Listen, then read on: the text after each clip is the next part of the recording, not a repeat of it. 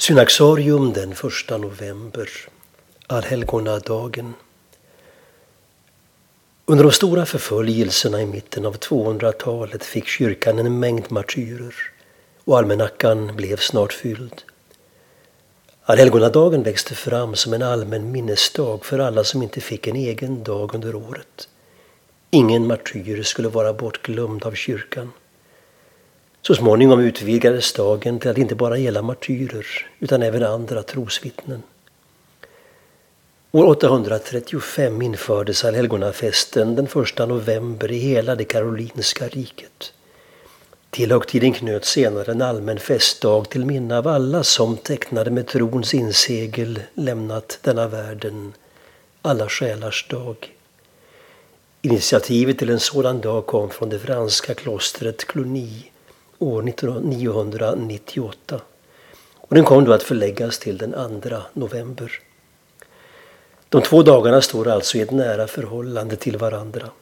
Men det är den andra av dem som är en minnesdag över våra döda medan allhelgonadagen är årets stora martyr och helgondag. Bägge dessa dagar behölls efter reformationen som i övrigt gjorde kraftiga ingrepp i kyrkoåret. Även i Sverige hade allhelgonadagen kvar sin plats den 1 november fram till kalenderreformen 1772 då den flyttades till den första helgen i november. I Sverige firas numera Alla helgons dag första lördagen i november och följs på söndagen av Alla själars dag. Allhelgonafesten är åminnelsen av alla dem som framburit sina liv som ett levande och heligt offer åt Gud och vunnit seger. Den levandegör kyrkans kosmiska dimension. Alla de som dött för Kristus, med Kristus och i Kristus lever med honom. Och eftersom vi är lemmar i Kristi kropp och de är förhärligade lemmar i Herrens förhärligade kropp har vi gemenskap med varandra. Den bibliska grunden för vördandet av trons vittnen är bland annat Paulus ord om kyrkan som Kristi kropp med många lemmar.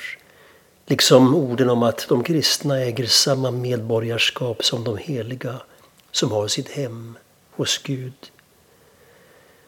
Den kyrka som består av alla pilgrimer här i tiden och den stora vitklädda skaran i himlen skildrad i Uppenbarelseboken utgör en enda kropp i Kristus.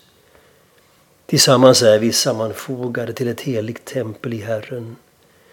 När rökelsen stiger från kyrkans gudstjänst är den också ett tecken på vår förening med kyrkan i himlen, det himmelska Jerusalem, som väntar på att Guds barn ska nå sitt fulla antal.